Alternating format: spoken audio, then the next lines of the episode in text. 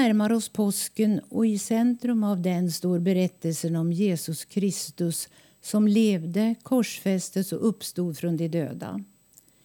Inför påsken 2021 läser vi i Olivehällskyrkan hela Markus evangelium. Idag läser jag, Gulli Wahlström, Markus kapitel 14.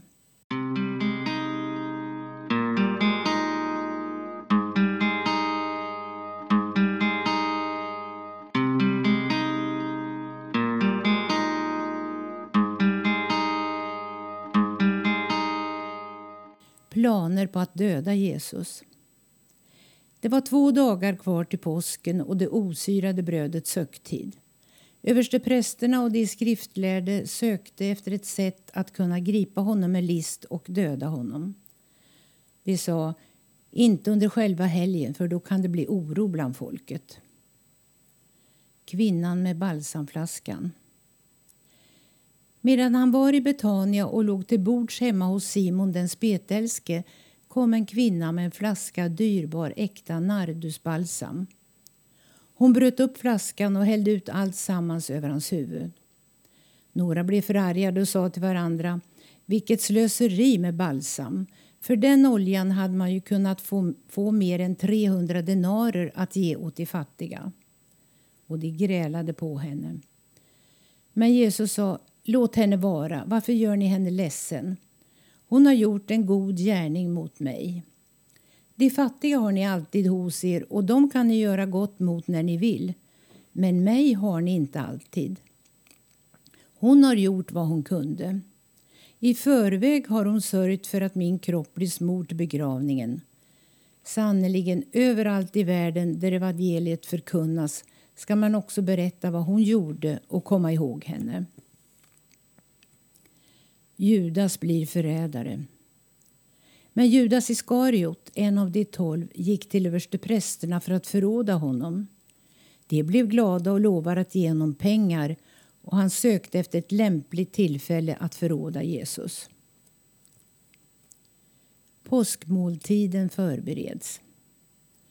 Första dagen av det osyrade brödets högtid, när påsklammen slaktades, frågade lärjungarna vart vill du att vi ska gå för att ordna påskmåltiden åt dig?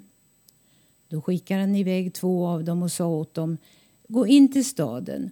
Där möter ni en man som bär på en vattenkruka. Följ efter honom och där han går in ska ni säga till den som äger huset Mästaren frågar var är salen där jag kan äta påskmåltiden med mina lärjungar. Då visar han er till ett stort rum i övervåningen som redan står färdigt. Där ska ni ordna för oss. Lärjungarna gav sig iväg och när de kom in i staden fann de att allt var som han hade sagt och de ordnade för påskmåltiden. Jesus utpekar förrädaren. På kvällen kom han dit med de tolv. Medan de låg till bords och åt sa Jesus Sannerligen, en av er kommer att förråda mig, han som äter med mig. Då blev de bedrövade och frågade honom, den ene efter den andre, det är väl inte jag? Han svarade, det är en av de tolv, han som doppar i skålen tillsammans med mig. Människosonen går bort som det står skrivet om honom, men ve den människa genom vilken Människosonen blir förrådd. Det hade varit bäst för den människan om hon aldrig hade blivit född. Den sista måltiden. Medan de åt tog han ett bröd, läste tackbönen, bröt det och gav åt dem och sa Ta detta, det är min kropp. Och han tog en bägare, tackade Gud och gav åt dem och de drack alla ur den. Han sa, detta är mitt blod, förbundsblodet som blir utgjutet för många. Sannerligen aldrig mer ska jag dricka av det vinstocken ger förrän den dag då jag dricker det nya vinet i Guds rike. Jesus förutsäger Petrus förnekelse. När de hade sjungit lovsången gick de ut till Olivberget. Där sa Jesus till dem Ni ska alla komma på fall, ty det står skrivet Jag ska dräpa herden och fåren ska skingras. Men när jag har uppstått ska jag gå före er till Galileen.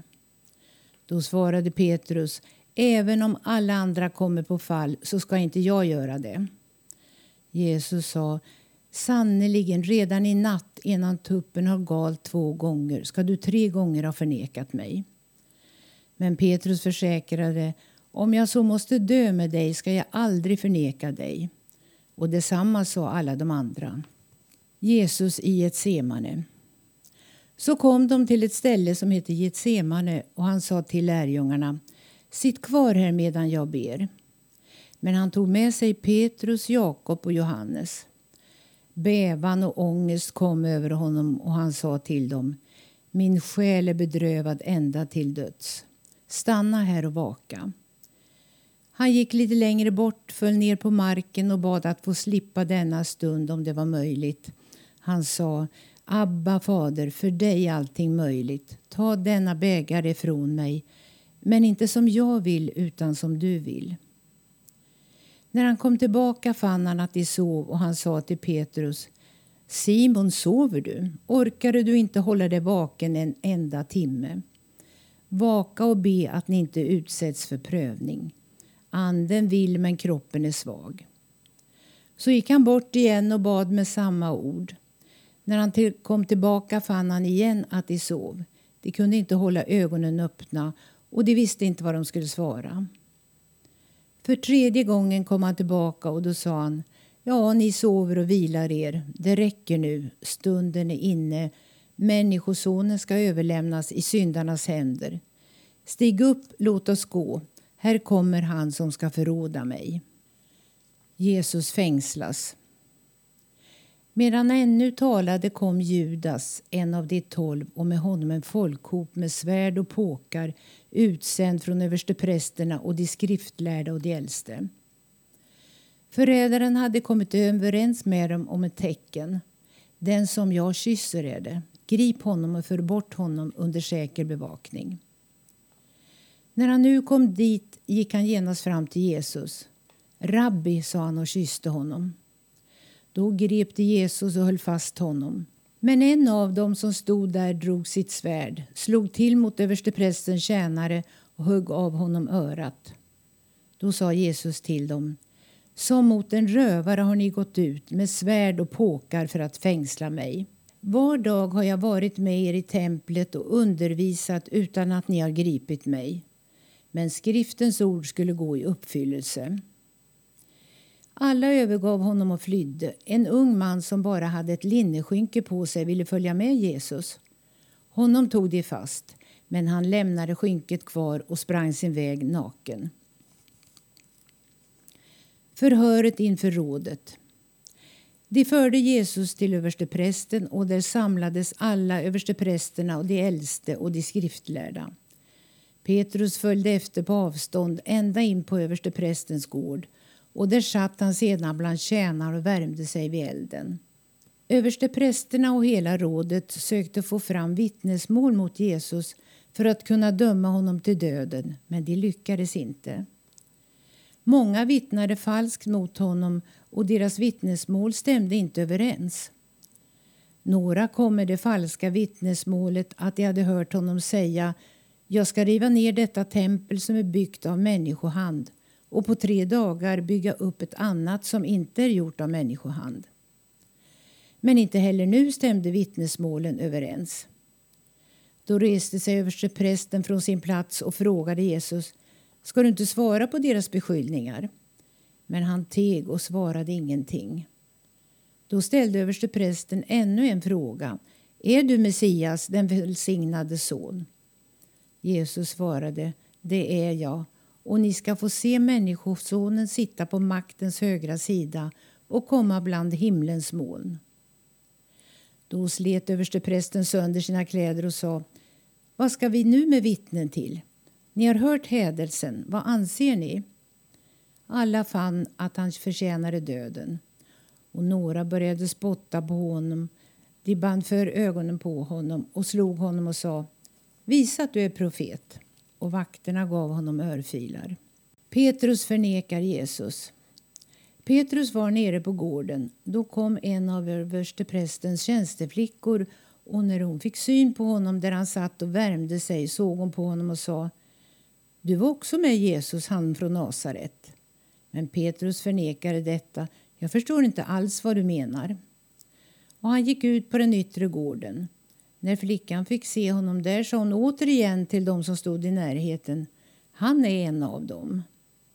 Petrus förnekade på nytt. Strax efteråt sa de som stod där till Petrus.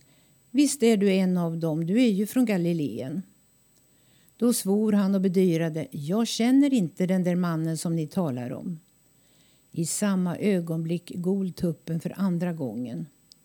Då kom Petrus ihåg detta som Jesus hade sagt till honom. Innan tuppen har galt två gånger ska du tre gånger ha förnekat mig.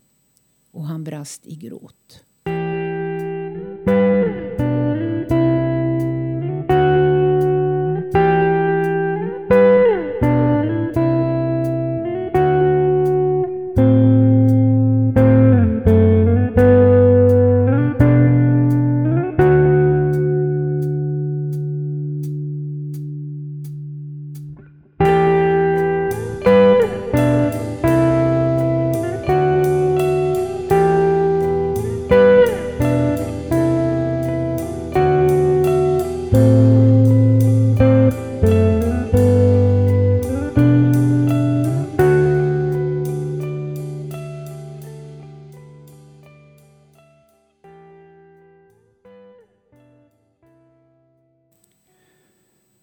Tack Jesus för att vi får förena oss med dig genom ditt blod och ditt kött.